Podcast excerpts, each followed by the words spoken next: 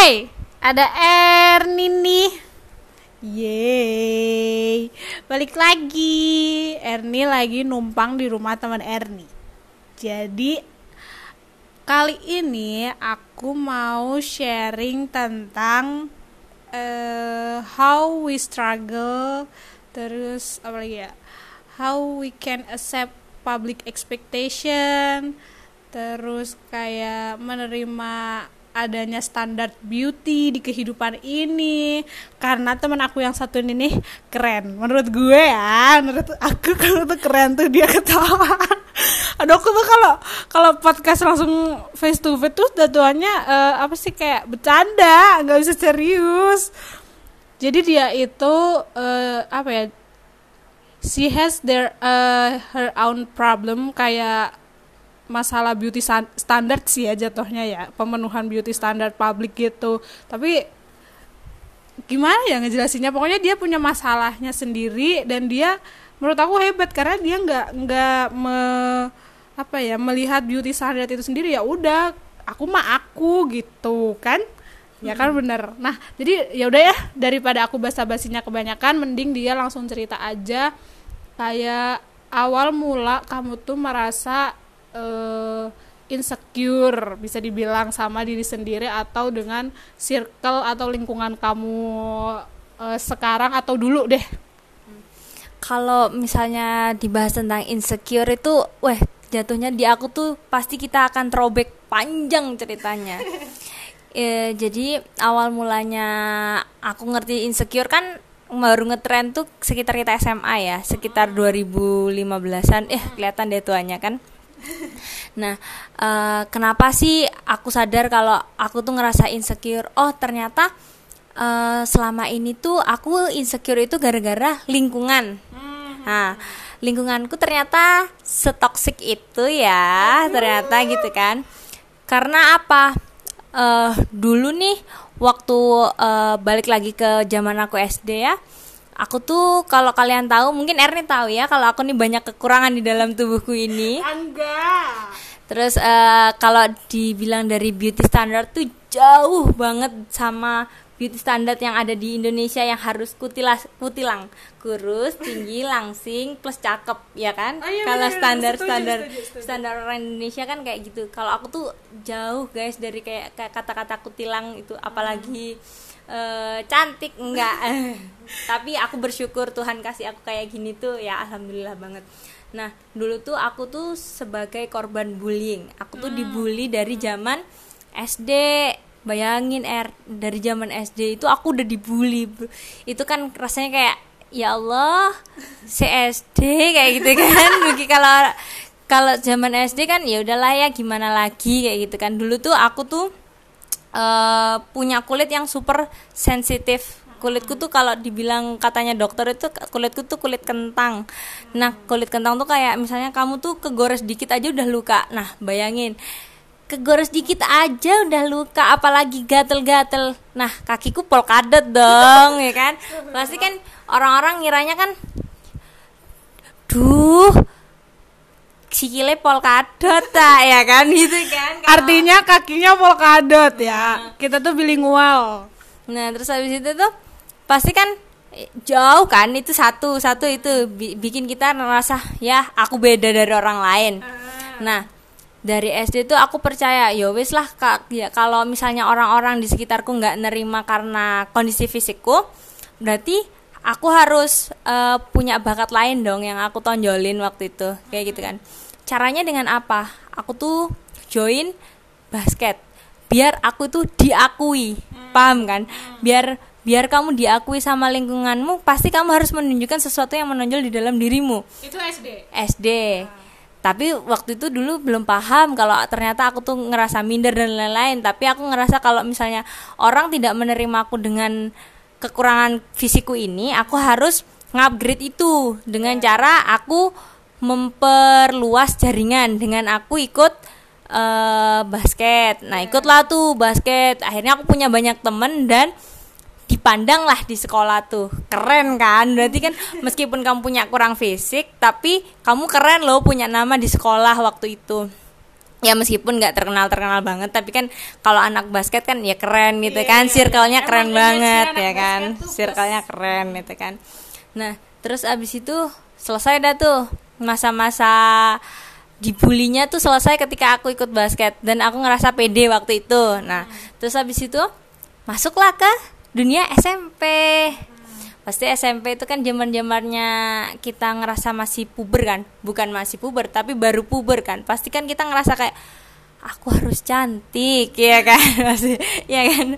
Iya bangga kamu masih Enggak, aku tuh ya Allah sumpah ya dari SD sampai SMA namanya tuh cuma kalau kalau biasanya kan orang tuh ngerasa can, eh, pengen cantik, pengen putih, pengen cakep. Aku mah di make up aja tuh baru baru tahu make up tuh kuliah semester berapa. Jadi kayak cuma modal cuci muka, bedak bayi, udah berangkat. Kadangnya nggak bedakan cuci muka doang, udah. Jadi sekucel itu dan sebuluk itu aku dulu. tapi kan pasti kan kalau kita masuk nggak tahu ya itu di aku ya dan lingkunganku waktu itu kalau misalnya SMP itu kan baru-barunya belajar pacaran harus terlihat menarik kayak gitu kan kan itu kan eh, kita harus berubah gitu kan nah tapi kondisinya masih sama nih aku tuh waktu itu ini R eh, masih dengan masalah kaki polkadot dan kulit yang gampang tergores itu. Nah, waktu itu kan masih pakai rok pendek juga kan SMP tuh awal-awal kan pakai rok panjang tuh SMP kelas berapa ya? SMP kelas 2 atau kelas 3-an gitu kan. Nah, tapi awal-awal tuh tetap masih banyak yang bilang eh ya Allah Reiki. Ya Allah nah ini cantik. Ya maksudnya waktu itu kondisinya masih ini ya masih masih belum jerawatan ya aku tuh. Ya Allah Reiki cantik loh tapi kok kulitnya nggak bagus gitu kan. Ah itu pasti kan jelek lagi kan pasti pasti nusuk lagi. Oke terus aku terus mikir lagi kayaknya aku harus meraktekin yang waktu aku SD itu deh dengan cara jadi populer di lingkungan biar dianggap Nah, akhirnya aku mutusin buat ikut eh, OSIS, terus abis itu ya aku ikut basket. Pokok intinya gimana caranya aku bisa kelihatan gitu kan. Jadi akhirnya rasa mindernya tuh ketutup. Nah, itu yang pertama. Terus habis itu udah nih masa SMP berlalu dengan ya aku tetap jadi orang yang bisa dibilang populer untuk menutupi rasa insecuritiesku itu Iya. tapi Tapi menurutku kamu emang cukup pede loh. Kayak aku pertama kali tahu kamu di SMA, kamu ya Allah nih anak pencilaan banget gitu banyak banyak tingkahnya. Nah, eh, lebih ke ini ya, PD-nya itu PD yang dipaksakan. Oh, Lebih ke kalau aku ngerasanya gini, kalau aku tetap ngerasa nggak pede, kayak apa gitu loh. Aku bakalan tetap jadi yang diolok-olok gitu loh. Nah, caraku untuk tidak diolok-olok itu menjadi seseorang yang aku harus nih bisa dilihat sama orang kayak gitu loh. Nah, terus habis itu masuk ke zaman-zaman SMA. Masa SMA tuh berat banget R menurut aku gitu loh.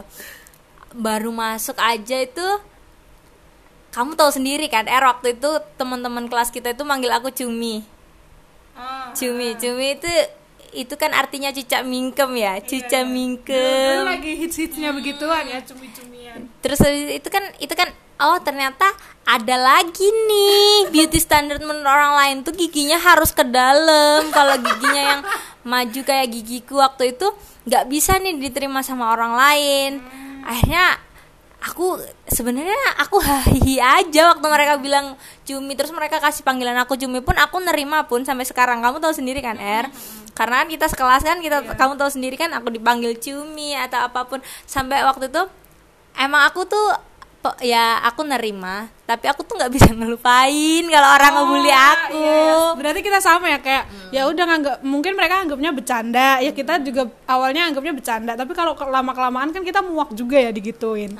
Jadi kita ya udah coba nerima padahal sebenarnya hati nolak gitu kan. Ha. sampai tuh sampai pernah suatu ketika tuh mereka tuh eh, nyanyi. Er waktu itu kalau kamu ingat dulu tuh mereka seneng banget nyanyi lagu sempurna ya kan maaf ya suaranya jelek.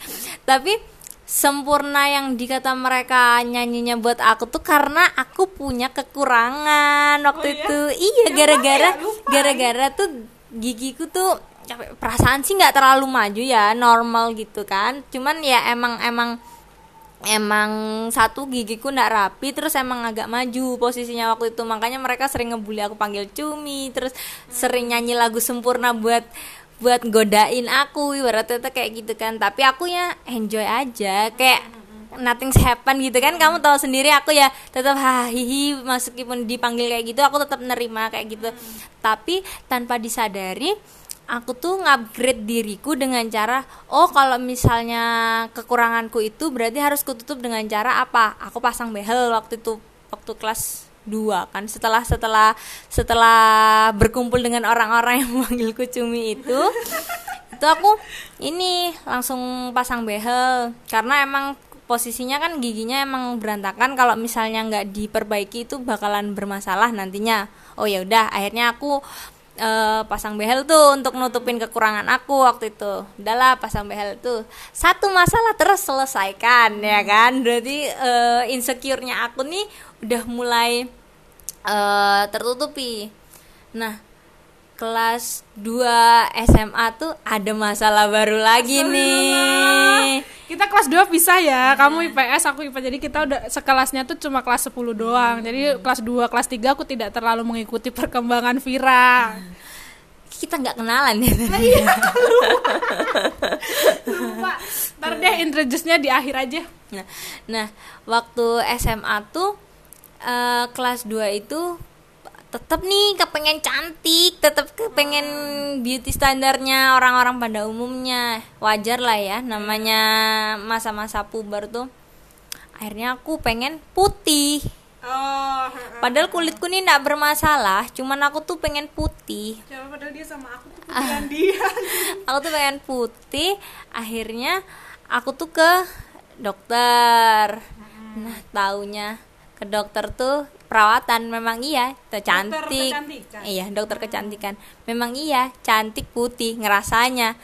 Tapi setelah treatment itu malah tambah rusak er malah tambah aku kan waktu itu perawatan sempat perawatan setahun. Setahun apa dua tahun gitu aku lupa.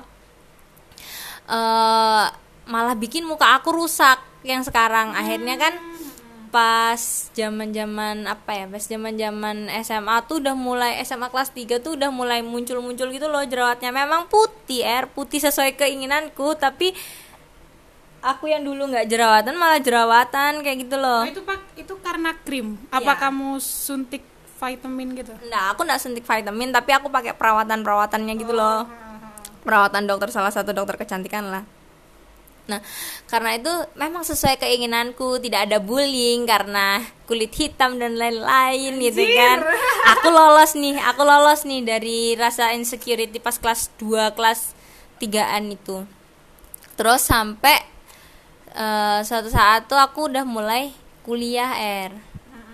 Kuliah itu eh ibarat kata eh, bagian di tubuhku yang harusnya itu menarik jadi sangat sangat sangat sangat tidak menarik karena eh, treatment yang aku lakukan. Oh, mukaku itu rusak jerawatan parah.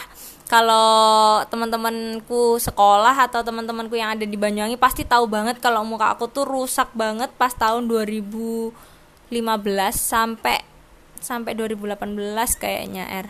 Rusak yang bener-bener rusak literally parah ya yang sampai yang jerawat yang gede-gede yang sangat ya gitulah. Kan kalau ini sih sebenarnya kan eh muka jerawatan terus habis gitu gemuk dan lain-lain itu kan wajar ya. Tapi kan kalau eh, balik lagi di lingkunganmu itu, pasti tidak bisa menerima kita dengan kondisi-kondisi fisik kita yang kurang ini pasti mereka nggak bisa nerima. Pasti kan banyak omongan sana sini kan er. Apalagi krusial banget di muka gitu loh yang memang yang memang apa ya yang memang kelihatan gitu loh di publik gitu kan. Pasti kan cercaan itu banyak er. Pasti karena gini lagi balik lagi munculnya insecurities itu rasa tidak aman itu insecure kan rasa tidak aman ya kan? Rasa tidak aman itu sebenarnya dilahirkan karena lingkungan sih balik lagi kan? Ya kan? Karena karena lingkungan kita yang tidak bisa menerima kekurangan orang lain. Banyak kok zaman dulu itu seruan kayak gini. Kamu jerawatan nggak apa-apa. Kamu gendut nggak apa-apa. Kamu kurus nggak apa-apa. Bekas jerawat itu normal dan lain-lain. Mereka itu semua menyerukan itu. Tapi, Tapi- balik lagi. Nyatanya kalau teman mereka lagi gendut atau mereka teman-teman mereka badannya kurus mereka pasti pas baru ketemu tuh pasti bilang gini eh kamu gendutan ya? Parah. terus habis itu kalau enggak eh kamu kurusan ya kurang makan paling kayak gitu kan.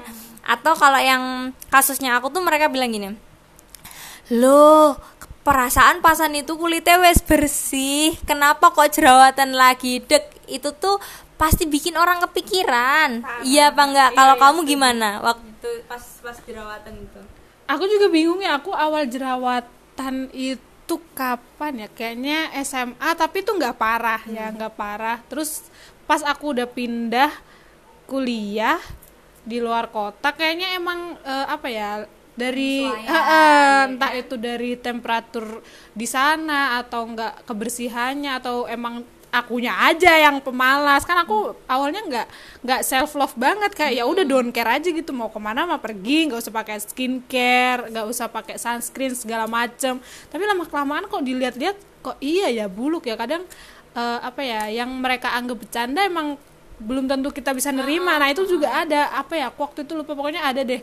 Kayak oh jadi standar untuk disukai orang tuh seperti ini seperti ini gitu kan. harus B harus C Heeh, heeh. emang public expectation ke kita tuh pengennya kita jadi orang yang perfect gitu. Tapi ya gimana ini buk tiap orang tuh kan memiliki kadar perfect yang berbeda-beda menurut mereka. orang unik. Heeh, parah. Jadi kayak aku dan in- tingkat insecure tertinggiku tuh sebenarnya sekarang. Kayak ngelihat dikit-dikit kan eh, apa ya eh, yang diharapkan orang tuh kayak good looking, good looking. Nah, aku tuh merasa I'm not enough to good looking gitu loh. Nggak nggak cukup buat kategori good looking itu. Jadi aku juga bingung. Ini aku harus gimana ya? Aku harus ke mana? Gitu aku bingung masih belum ada jalan keluar. Kalau kamu kan hebatnya kamu, kamu kayak dibully dikit langsung cari solusi buat itu terus kayak ya udah kamu bisa menyelesaikannya jadi kamu bisa kayak recovery dirimu sendiri dari masalah-masalah yang terjadi ke kamu gitu nah aku belum bisa itu karena aku belum tahu jalan keluarnya harus ke mana gitu Nah, pas aku zaman-zaman kuliah tuh kan aku ngerasa di titik yang sama kayak kamu karena jerawatku waktu itu eh, aku kuliah 2016 kan.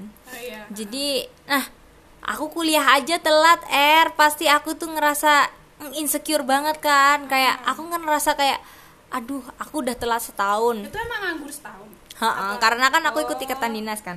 Terus iya, aku kan pasti ngerasa kayak aduh, aku telat setahun. Gimana nih lingkunganku? Pasti aku ngerasa nggak pede kan. Aduh, aku ngerasa tua.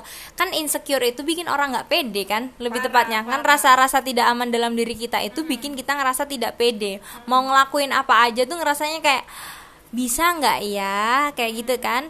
Terus habis itu eh, zaman kuliah itu aku tuh gini er Eh, karena aku ngerasa nggak pede karena aku kan itu otomatis aku lebih tua dari mereka kan. Terus aku nganggep gini kalau misalnya aku lo lebih tua dari mereka setahun pasti aku harusnya lebih baik gitu. Aku pengennya dalam diriku tuh kayak gitu. Akhirnya eh, aku tuh dulu tuh kayak kurang pede di depan umum karena memang kondisi fisikku yang kurang.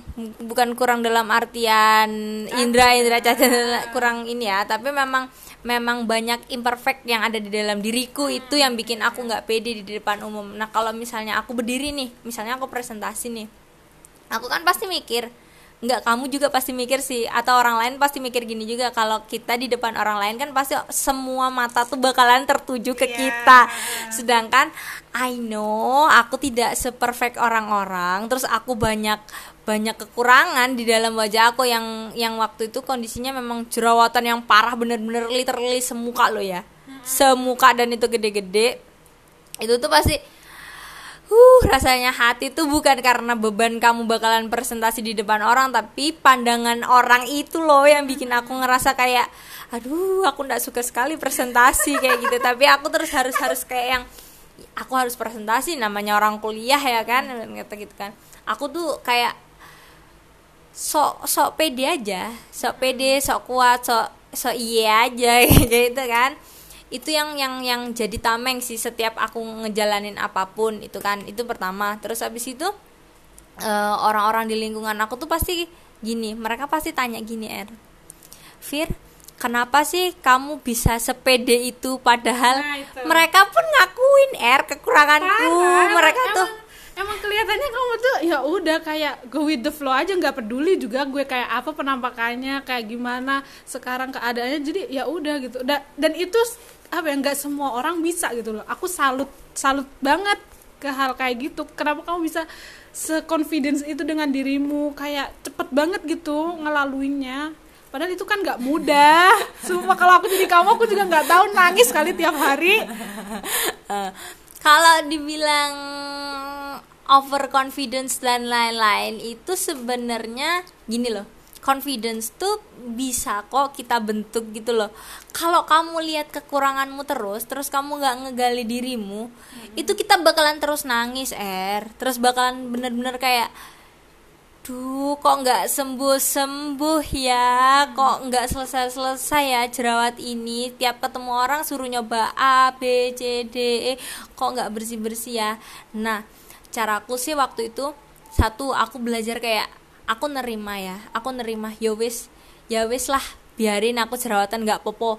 Tapi yang penting eh, aku tuh harus punya daya tarik, daya tarik, daya, daya tarik artian di sini tuh apa yang bisa buat aku terlihat lebih baik daripada orang-orang yang sebenarnya secara fisik mereka baik yang memang seharusnya mereka pede dan lain-lain aku harus bisa dong lebih dari mereka kayak gitu kan. Caraku tuh yang pertama aku harus nerima apa kekuranganku. Satu itu. Selain itu aku ngupgrade diriku er jadi aku nggak stuck gitu loh. Kan biasanya kan ada yang memang dia ngerasa insecure tapi dia stuck aja nih. Aku ngerasa eh, jerawatan tapi dia nggak berobat. Terus dia tetap apa tetap makan makanan yang aneh-aneh kayak gitu kan bener-bener nggak ngerubah pola hidup lah ibarat kata gitu itu kan salah satu insecure yang yang bakalan bikin kamu stuck gitu loh gue ya Heeh. Bentar, bentar. Si Siwon nelpon. Halo Won. Dek Vira. Kon Rene? Iya sekarang ini enggak apa Enggak, terus lah kon telepon? Penting banget sih.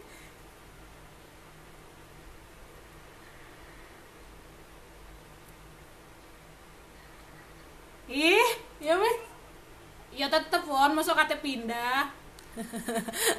Maaf ya, ini keganggu. Ini benar-benar angkat karena mengutamakan originalitas podcast aku, alias aku males aja ngedit. Lanjut. Eh, terus habis itu sampai mana ya? Eh lupa. Siwan nih mengganggu. Terus tadi nyampe menerima, mengubah pola hidup. nah aku tuh nerima aku ngerubah pola hidup tuh er. Aku berusaha untuk oh kalau misalnya aku jerawatan kayak gini kayaknya aku harus ngurangin makanan yang berminyak deh. Aku harus jadi nggak cuman ngandelin ngandelin perawatan gitu doang loh er kayak gitu tapi seiringnya waktu tuh aku belajar juga untuk membuka diri. Membuka diri dalam artian waktu zaman kuliah itu biar aku ngerasa makin pede aku tuh ikut eh, empat organisasi kalau dibilang. "Huh, empat Aku aja organisasi dua udah pusing, Shay. Eh, aku tuh ikut yang eh, keilmuan di kampusku organisasi keilmuan terus habis itu otomatis biar jadi anak tenar di kampus aku ikut bem padahal juga nggak tenar tenar banget kayaknya. Tapi yang yang penting eh, aku ngerasa biar aku pede terus aku juga dapat dapat apa ya dapat temen lah ibarat kata kayak gitu kan. Aku nggak berharap diterima kok er aku cuman berharap aku punya temen gitu aja kan. Karena Emang kan sebelumnya nggak ada. Ya ada, tapi kan cuman circle-nya teman sekelas doang. Menurutku kalau cuman punya iya, teman sekelas doang kan kayaknya kurang seru ya. Jadi Iya, kayak bener-bener. kurang kurang membuka diri gitu. Sama aja dong kayak kamu nyeselin apa yang ada di dalam dirimu kalau kamu nggak buka diri. Menurutku kayak gitu sih. Akhirnya aku tuh ikut empat organisasi itu, terus aku juga ngerubah pola hidup, terus aku juga akhirnya gini er, oh ternyata orang-orang di lingkunganku nih eh, nerima ya meskipun kondisi fisikku kayak gini kayak gitu loh. Karena ternyata di lingkunganku tuh entah karena emang kuliahku yang harus ini kau kau tahu sendiri kan aku ambil kuliah apa yang memang Oh, iya, harus iya, iya. menerima orang lain kayak gitu kan. Entah emang mereka emang orangnya yang baik-baik dan tidak membahas tentang hal-hal kekurangan dalam diriku itu itu yang buat aku kayak ngerasa aku merasa dicintai loh di lingkunganku itu yang membuat aku kayak ya harusnya aku tetap pede dong meskipun kondisi fisikku seperti apa. Untungnya kayak gitu kan. Nah cuman kan di lingkungan masyarakat kan yang bikin orang ngerasa insecure lebih insecure daripada sebelumnya kan karena lingkungan tidak mau menerima Nah, dirinya sendiri itu sih. Terus kalau aku tuh untungnya kayak gitu er. Terus habis itu eh karena ibarat kata aku tuh punya teman banyak jadinya meskipun fisikku kurang eh disclaimer lagi ya kurangnya kan bukan karena cacat fisik tapi memang kekurangan yang ada itu kan. Itu tuh ya udah aku aku belajar memaafkan dan menerima diriku dengan segala kekuranganku terus aku tetap tetap improve improve skill improve apa pun yang ada di dalam diriku er. Jadi kalau misalnya kalian yang lagi ngerasa insecure menurutku sih lebih baik kalian jangan stuck gitu aja. Tapi ketika kalian tahu nih tahu nih aku ngerasa insecure cari potensi dalam diri kalian yang bisa buat kalian jadi orang yang lebih hebat lebih kuat lebih dipandang. Ibarat kata kayak gitu sih menurutku itu sih yang yang aku jalanin selama ini di lingkunganku sih itu tuh berpengaruh banget ya Er. Kalau misalnya kitanya pede pasti di lingkungan itu nggak bakalan loh kamu ditanyain sama kekuranganmu tapi semakin kamu menutupi kekuranganmu orang-orang di lingkunganmu itu ngeh kalau oh ternyata kekurangannya Erni itu di sini ya kekurangannya Vira tuh di sini ya tapi kalau kamu Astaga, si Siwon bener-bener ya. Ada orang tag podcast masih aja nelpon. Halo.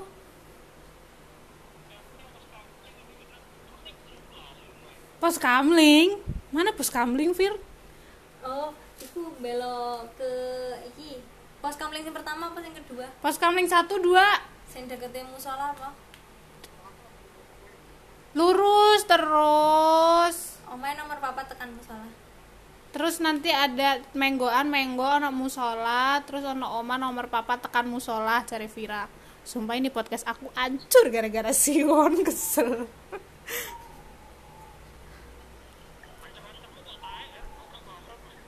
Ono pos pos kamling sing kedua iku warna hijau sing warna ijo Nah itu terus terus ono omah iku Vira metu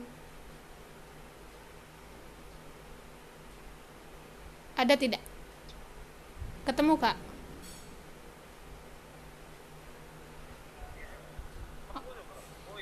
Nah, udah. Semua bener-bener si Siwon ya Allah, ya Allah. Maafin ya. Udah beberapa cerita yang kalian dengar dari teman aku nih, hebat kan dia kayak dia berusaha mencintai dirinya sendiri dan berusaha mencari jalan keluar untuk dirinya sendiri saat dia istilahnya diremehkan oleh banyak orang atau dia merasa tidak aman dengan keadaan yang dia punya sampai dia bisa e, menerima semua itu gitu. Itu itu nggak semua orang bisa sih. Makanya aku cukup salut sama dia. Karena aku juga sendiri kayak kaget ngelihat e, apa ya perubahan yang dia alami dulu tuh kayak ya SMA cakep. Bra ini beneran cakep nih. Terus tiba-tiba kuliah e, kayak loh kenapa jadi gini? Kayak gitu. Nah itu yang menjadi pertanyaan tapi aku nggak berani nanya karena emang tahu gitu loh rasanya ditanya kayak gitu tuh sebenarnya nggak enak shy jadi buat kalian-kalian tuh jangan asal jeplak aja tahu. Itu niatnya bercanda tapi nggak semua orang bisa nerima bercandaan kalian. Makanya kalau mau nanya atau ngomong tuh ditata bahasanya. Jangan asal-asalan itu bisa nyakitin orang. Mungkin kalian anggap orangnya fine fine aja tapi belum tentu. Kalian nggak tahu apa yang mereka pikirin apa yang mereka rasain huh nih gara-gara Siwon nih. Gak tahu ah udah ah kesel. Terus lanjut. Kalau misalnya dibilang uh, pernah nggak sih ngerasain drop atau Nah, akibat itu. akibat itu? Iya pasti pernah lah. Orang-orang di sekitar aku yang pasti bakalan dengerin kerewelan aku. Masalah kayak aduh kok ini gak sembuh-sembuh ya? Terus aku harus gimana ya? Terus habis itu eh, aku kok kayaknya kurang ini kurang itu kurang ini kurang itu. Pasti aku adalah ngeluh kayak gitu. Kan aku juga manusia. Iya, akan bukan orang Ah, yang iya, emang yang manusia mah tugasnya ngeluh. nah tapi kan eh, kalau aku ngeluhnya di depan orang ya berarti kan sama aja. Aku kalah sama keadaan. Tapi aku memang ceritanya sama memang orang-orang yang benar-benar aku percaya eh, aku kenal baik aku dekat kadang tuh ke mamaku kadang ke eh, teman-teman terdekatku. Aku tuh kadang ya juga ngeluh er sama kayak manusia-manusia lain. Aku juga ngomong "Eh, ya apa yo? Kok ndak sembuh sembuh gimana yo? Kok ndak sembuh sembuh jerawatku? Terus habis itu aduh alergiku kumat. Aku memang gampang alergian juga sih er. Aku tuh alergi banyak makanan juga kan. Itu yang ngebuat jerawatku juga ndak sembuh sembuh itu kan. Terus habis itu eh ada nih ada dua orang nih. Yang pertama tuh eh, temanku ada mas-mas yang bakalan denger ini. Ini tuh kamu eh, berarti dalam prosesku struggling. Kayak- mention dong mas-masnya. dia tuh pernah bilang gini eh ada kan lagunya Selena Gomez yang Who Says? Pernah denger kan? Who Says Who, Who Says You Not Perfect. Tapi kan eh, di dalam dirimu tuh kamu tuh cantik loh. Ke kamu tuh juga juga apa? Who says you not perfect, who says you not pretty? Tapi kamu tuh sebenarnya cantik. Harusnya kamu percaya sama itu. Nah, mas-mas itu ngeyakinin aku pakai lagu itu Bahwa semua orang itu punya kelebihan dan kekurangannya masing-masing. Ketika kamu merasa tidak perfect Banyak imperfect di dalam dirimu Kamu tuh harus eh, kuatin yang ada di dalam dirimu Kekuatan misalnya Kamu nih berbakat. Eh, kayak aku eh, mungkin aku easy going. Nah aku keluarin nih bakat aku easy going dengan aku ikut organisasi terus abis itu aku eh, ikut olahraga terus nah di situ kan aku kan mengeluarkan bakatku yang easy going itu dengan mempunyai circle pertemanan pertemanan sampai lu eh, punya teman-teman yang eh banyak gitu loh R. Nah, efeknya aku punya teman banyak itu apa R? Eh, satu, ke mana-mana aku ngerasa kayak semua orang nyapa aku padahal aku kurang gitu Oh, kan. iya, iya, iya, iya. Nah, yang kedua, pas zaman kuliah tuh aku jarang beli buku R karena ternyata di dunia ini banyak orang baik yang bakalan ngasih aku buku-buku itu. Jadi buku-buku kuliahku tuh kebanyakan dari orang-orang di sekitar aku, orang-orang yang baik itu yang ngasih aku buku-buku itu. Nah, ternyata di balik kekuranganmu banyak kan hal positif yang bisa digali kayak gitu kan. Terus habis itu eh, kenalin bakatmu Iya. ketika kamu memang kurang kalau kita ngenalin diri kita ngenali diri kita apa sih bakat yang kumiliki ya alhamdulillah aku punya prestasi er di kampus meskipun ya tingkat kampus ya karena aku juga mager kalau harus ikut perlombaan-perlombaan yang lain-lain. Sama, sama. akhirnya aku tuh bisa dapat duit dari misalnya lomba-lomba kampus. Entah itu bikin PKM entah itu ikut kejuaraan-kejuaraan kampus. Kayak aku tuh pernah eh, juara ini taekwondo. Terus aku juara basket juga di kampus. Lumayan er duitnya buat nambah-nambah Iya, iya. beli iya. skincare. Iya aku tahu. Nemenin anak yang sekampus sama kamu ngambil duit. Oh ternyata di sini enak ya. Kalau di kampus aku nggak dapat uang. kalau di kampusku tuh eh, yang kalau misalnya kalian emang punya penghargaan ya pasti bakalan dihargain gitu loh meskipun ya emang nggak banyak sih tapi kalau buat anakku kuliahan kan uang segitu juga lumayan gitu kan. Nah itu tuh kalau kalian bisa gali, gali potensi yang ada di dalam diri kalian tuh banyak kok. Gini er Tuhan tuh ngasih kita tuh pasti sepaket. Senang Hmm, sedih iya, sih itu. kekurangan dan kelebihan. Ketika kamu memang ngerasa insecure tapi kamu tetap ngelihat kekuranganmu itu tuh bakalan kamu bikin bikin kamu stuck bikin kamu nggak pede bikin kamu ngerasa nggak aman iya apa enggak Iya. tapi ketika kamu ngerasa insecure tapi kamu berusaha untuk ngupgrade dirimu kayak semisal aku aku ngerasa eh, aku nih kurang nih di fisik ibarat kata gitu kan. Eh, aku caranya tuh ya gimana? Satu aku ngupgrade diriku aku olahraga air. Kamu tahu sekarang aku agak berisi gendut semak montok itu akhirnya aku olahraga air buat apa ya paling nggak kalau misalnya aku gendut tuh nggak gendut-gendut banget itu kan. Itu kan kita harus kenalin diri kuncinya tuh harus kenalin diri. Terus yang kedua eh mungkin aku jerawatan nggak mungkin sih memang aku jerawatan. Akhirnya aku apa yang rawat diri gitu loh. Ketika orang-orang yang bilang loh kok jerawatan lagi? Ini aku lagi wis tak obatin kok nah dengan kamu nutup mulut mereka kayak gitu aja itu udah cukup gitu loh. Nggak pasti mereka nggak bakalan ngomong lain-lain. Malah kadang kalau kita ngomong kayak gitu nanti mereka bakalan ngasih rekomendasi kok skincare apa yang cocok dan lain-lain gitu loh. Tapi ketika kamu memang memang ngerasa insecure lalu kamu menutup diri terus kamu ngerasa apa ya aduh aku nggak ada orang yang sayang sama aku di dunia ini. Kadang kan ada yang orang ngerasa insecure sampai kepengen bunuh diri ada kan? Ada kan yang sampai ngerasa kayak gitu karena dia merasa dirinya kurang banget tapi dia tidak berusaha untuk mengupgrade dirinya dan tidak berusaha mencari lingkungan yang positif. Akhirnya mereka tetap menutup diri ngurung diri terus habis itu akhirnya stres stres sendiri kan? Iya apa enggak kan? Kadang kan yang yang kayak gitu gitu itu itu sih yang yang salah. Jadi kalau saranku nih buat kalian yang lagi ngerasa insecure uh, kalian tuh harus kenalin diri kalian. Cari potensi yang ada di dalam diri kalian. Terus abis itu kalian juga harus kenalin nih apa sih yang bikin aku insecure? Kadang kan orang nggak tahu er. Insecure tuh kayak cuman aduh aku ngerasa insecure aku ngerasa kentang kayak gitu lah. Padahal mereka nggak tahu dasarnya mereka yang nyebabin mereka ngerasa insecure tuh apa? Padahal kan kalau ditarik dari ceritaku dari awal tadi itu kan bisa dilihat ya aku ngerasa insecure karena emang lingkunganku waktu itu tanpa sadar mereka itu sebenarnya ngebully aku dan ya aku tahu kalau aku lagi dibully itu. Terus aku juga tahu kalau eh, aku punya kekurangan itu yang bikin aku ngerasa insecure. Nah kalau kalian yang sekarang sekarang ini ngerasa insecure coba deh kalian pahamin diri kalian. Apa sih yang nyebabin kalian ngerasa insecure? Itu yang pertama.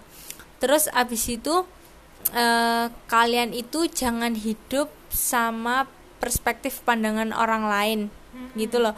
Kayak kalau kalian punya eh bukan kalian sih lebih ke orang-orang di lingkungan kalian punya high expectation terhadap diri kalian tuh harusnya ya kalian tidak harus memenuhi itu loh. Iya, semampunya kalian aja. Misal kalian eh standar kecantikan orang tuh harus kulitnya putih gitu. Nggak perlu kok punya kulit putih. Yang penting kulitnya bersih aja itu udah cukup. Memang mungkin mungkin kita kulitnya putihnya ya sudah sampai segini aja gitu kan. Se- itu. Terus jangan terlalu apa namanya don't too hard to yourself. Oh ya. terus ketika kamu ngerasa apa namanya lagi kurang lagi dibully dan lain-lain itu nggak usah kayak nyalahin dan lain-lain. Kalau nyalahin terus nggak ada selesainya. Mending kamu cari cari apa yang bisa ngupgrade dirimu. Misalnya upgrade skillmu. Ikut-ikut apa kayak belajar-belajar apa yang misalnya nanti aku nggak cantik tapi aku pinter public speaking. Kayak gitu kan wow keren kan kalau kalian bisa kayak gitu kan. Terus habis itu eh itu berapa dah? Udah berapa tips tuh untuk melawan Banyak. insecure menurut aku?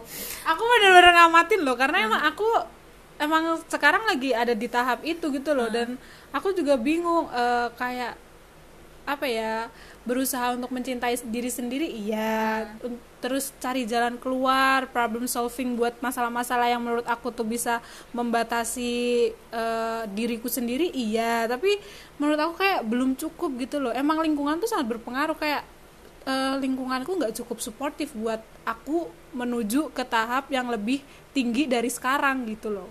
Jadi aku bingung juga. Hmm, kalau misalnya kayak gitu tuh kita harus stop comparing. Penting nih stop comparing hidupmu dengan hidup orang lain.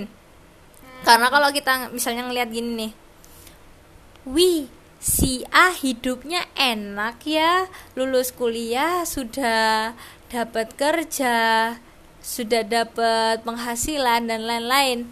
Nah comparing comparing kecil itu loh yang bisa munculin seseorang jadi insecure.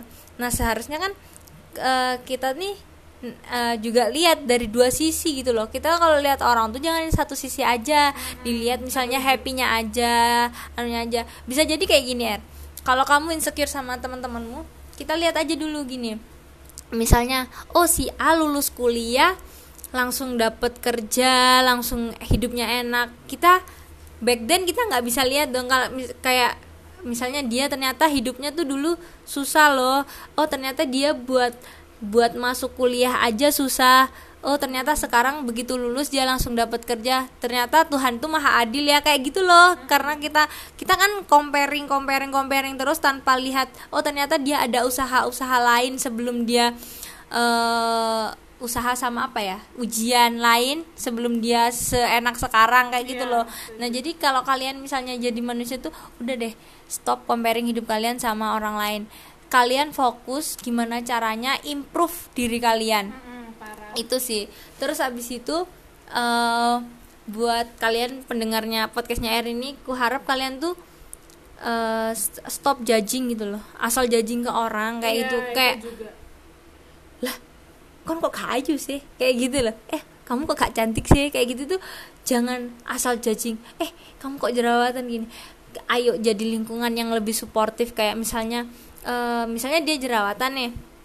Kasih nih saran-saran eh kamu ada alergi apa nih? harusnya tuh kayak gitu. Lebih jadilah problem solving daripada judging. Itu tuh nggak ngebantu banget. Ih kesel.